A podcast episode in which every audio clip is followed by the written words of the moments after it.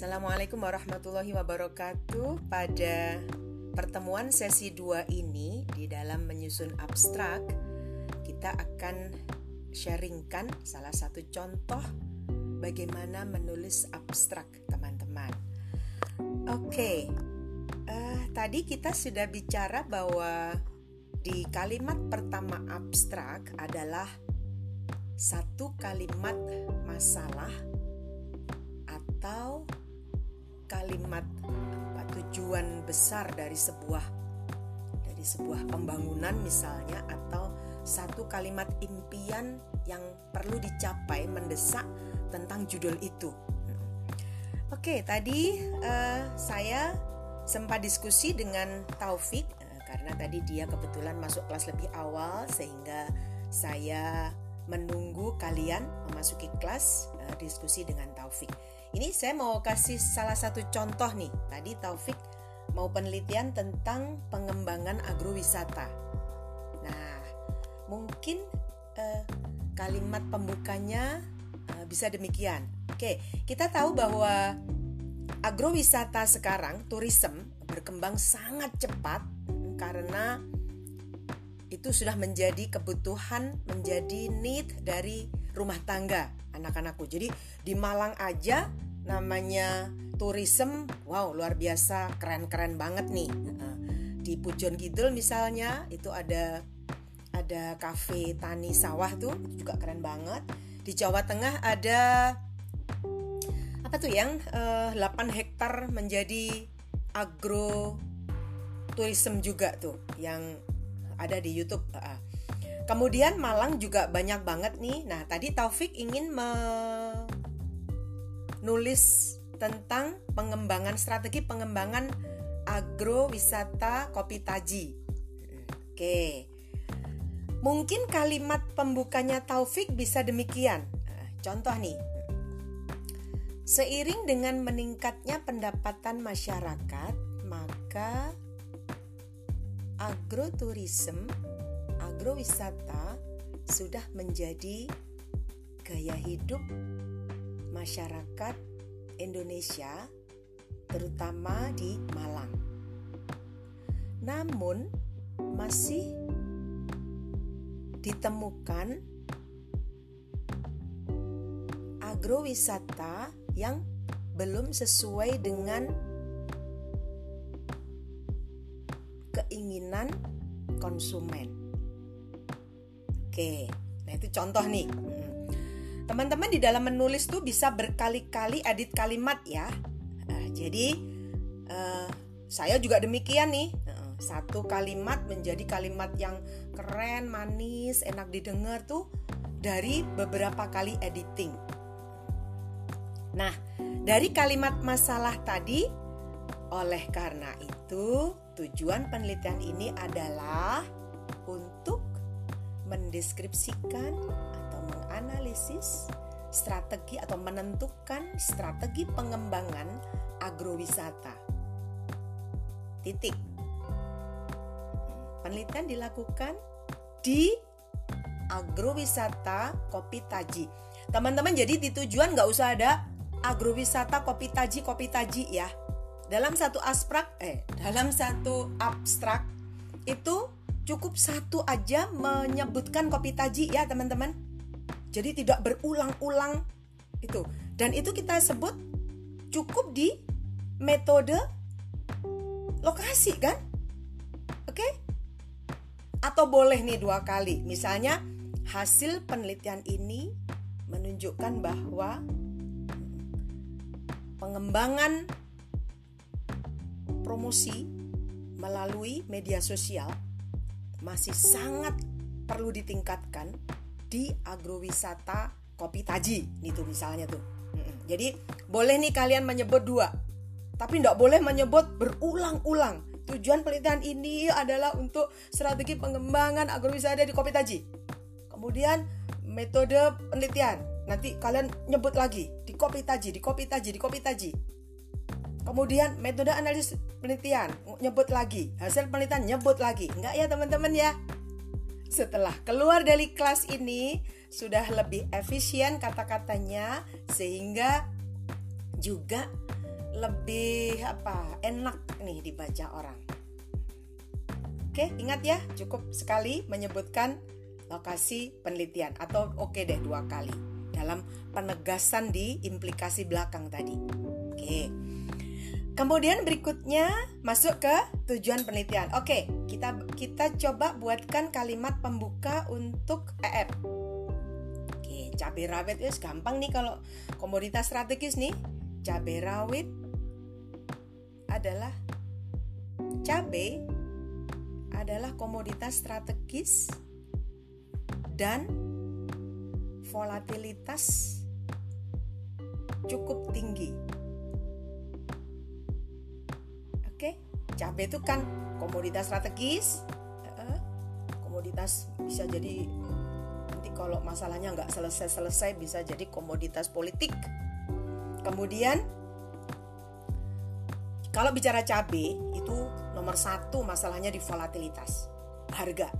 Volatilitas tuh fluktuasi harga yang sangat curam. Bisa 180 per kilo, bisa 10 ribu per kilo, itu volatilitas. Itu masalahnya.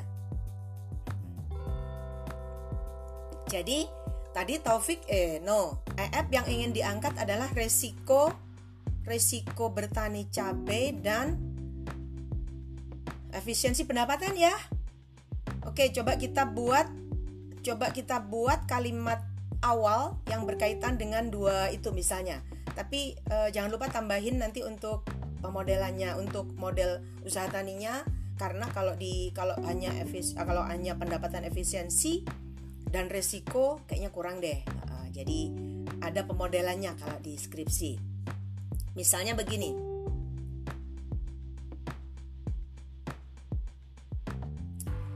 Cabai adalah komoditas strategis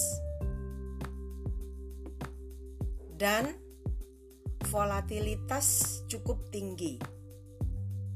Sehingga petani sering kali mendapatkan keuntungan yang tidak pasti. Oke?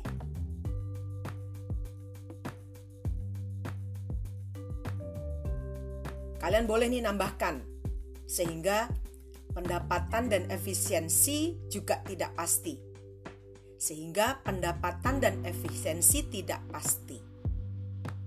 Nah, nyambungnya oleh karena itu tujuan penelitian ini untuk menganalisis resiko bapak produksi usaha tani. Nah, oleh karena itunya dihilangkan, nggak nggak ada tuh di abstrak Langsung tujuan penelitian ini adalah untuk risiko, efisien, pendapatan dan efisiensi, kemudian input produksi usaha tani cabai rawit. Oke, clear ya, Ed?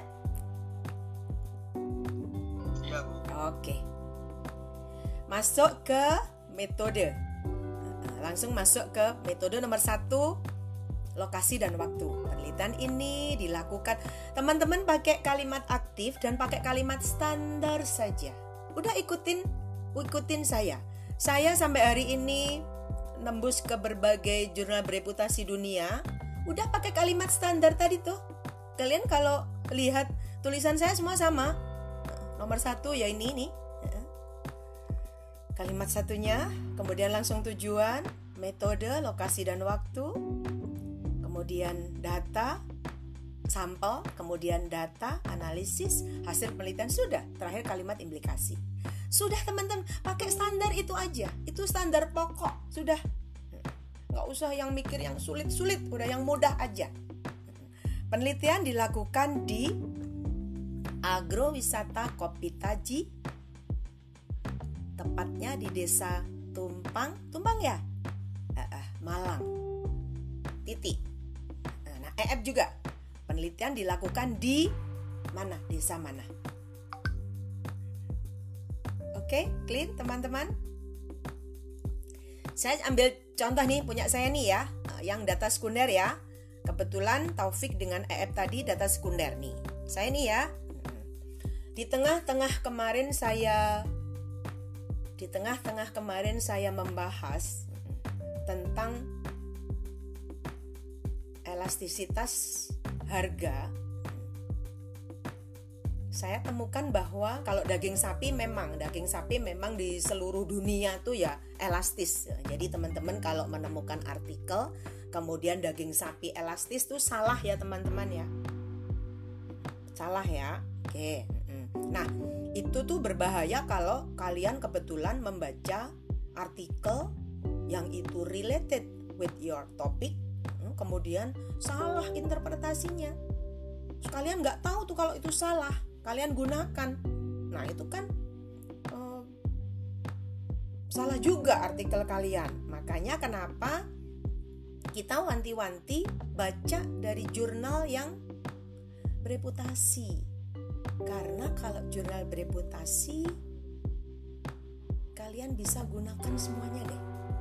Teori interpretasi semua bisa gunakan kalian karena kalau interpretasi salah tuh kita ditolak karena kalau pendekatan modelnya kurang tepat kita ditolak pendekatan bagus, interpretasi bagus, pendekatan benar, interpretasi benar itu aja masih ditolak-tolak teman-teman.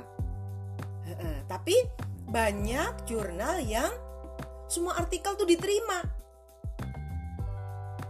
Oke, saya kemarin Desember menuliskan artikel tentang MBKM teman-teman. Menulis artikel itu kan berulang-ulang kali nih. File 1, 2, 3, 4, 10 misalnya final. Tadi malam tuh saya cek yang dipublish kebetulan tim. Kemudian saya serahkan ke tim uh-huh. kayaknya nih kayaknya nih yang dikirimkan adalah bukan file terakhir. Itu pertama kemudian yang kedua nomor urut itu salah-salah teman-teman jadi satu introduction, dua metode, tiga result and discussion itu di poin babnya tuh empat. Jadi bab tiga tadi tuh, oh, oh, kok empat satu, empat dua, empat tiga. Saya bilang, saya dulu nulisnya nggak gini. Saya cek file saya asli, enggak. File saya yang asli yang saya kirimkan tuh nggak demikian. Bener tuh satu dua tiga empatnya. Kemudian lima conclusion seharusnya empat. Kan tadi satu introduction, dua metode, three uh, result and discussion, empat conclusion. Conclusion tuh lima tuh angkanya, lima conclusion gitu. Saya bilang, oke, okay. uh, eh, coba itu itu cuman kesalahan nomor gitu. Kalian bisa bayangin kalau itu kurang tepat di metode, kurang tepat di interpretasi, bahaya ya. Nah, saya pada waktu membahas elastisitas kemarin itu menemukan bahwa ternyata rumah tangga di Gorontalo itu ketika terjadi kenaikan harga daging sapi, maka protein hewani yang dikonsumsi berikutnya itu adalah ikan. Kemudian saya searching bagaimana sih potensi Gorontalo terhadap ikan. Ternyata potensinya besar banget dan luar biasa. Konsumsi proteinnya dari rumah tangga sana uh -uh, masih kurang dari standar nasional 57 gram per kapita per kapita per hari. Ya sudah, saya menuliskan Provinsi Gorontalo memiliki potensi kekala, kekayaan laut cukup besar dan ini merupakan salah satu sumber protein hewani sangat potensial. Namun, pokoknya teman-teman satu kali satu kalimat di abstrak atau kali, ka, kalian di introduction atau di masalah tuh ada itu ada. Namun rumah tangga di provinsi Gorontalo mengonsumsi protein kurang dari angka kecukupan protein nasional. Jadi dah penelitian ini bertujuan untuk menganalisis elastisitas permintaan pangan hewani sebagai akibat adanya kenaikan harga dan pendapatan Dah langsung ke sampel, metode, hasil dan semuanya. Kemudian teman-teman lihat nih di kalimat akhir. Oh iya, kalimat pertama ini tentu didukung harus didukung pustaka ya teman-teman. Ada yang ada yang ngomong ini ya. Jadi kita cari pustakanya nanti di pertemuan terakhir. Nah, jadi semua yang kita omongin ini harus ada citasinya. Nah, jadi eh, awalnya sih ya kita menulis aja, kemudian nanti kita cari artikelnya di belakang. Hmm, ada yang demikian, ada yang memang menemukan masalah di awal, boleh. Oke, oke. Kemudian saya saya tidak usah detail ini nanti saya saya saya upload di RPS online kemudian saya menemukan bahwa elastisitas harga lebih besar nih. Elastisitas harga 3,829 untuk daging sapi. Kemudian elastisitas pendapatan 2,957 ini artinya di pendap di permintaan nih ketika harga meningkat satu satuan maka permintaan menurun 0,85 persen. 0,85 persen. Oke? No salah. 3,83 persen. Teman-teman di dalam presentasi nanti teman-teman jangan membaca angka tuh oh, semua dibaca kemudian sampai koma-koma gitu. Sehingga yang dengerin tuh sampai bosan. Enggak ya? Jadi menulis angka di belakang koma kalau untuk publikasi ilmiah saya sarankan tiga angka di belakang koma. Namun yang dibaca ketika kita ngomong nih presentasi dua aja teman-teman 3,83 persen. Cukup enak ya dilihat, didengerin ya. Daripada 3,829 lupa nih. Nah, sedangkan elastisitas pendapatan 2 no 3,181 3,18 persen. Berarti efeknya kalau kebijakan itu diberlakukan jauh lebih besar di harga di atas nih eh, dibanding dengan pendapatan yang cuma 3,18 sehingga ini kalimat akhir saya kebijakan harga lebih efektif dibandingkan dengan kebijakan pendapatan bagi rumah tangga di perdesaan Oke.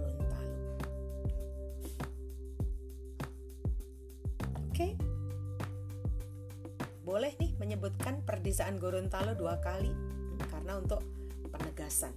Saya rasa tidak tidak terlalu ramai juga, tidak terlalu crowded juga dengan perdesaan Gorontalo eh, karena muncul dua kali.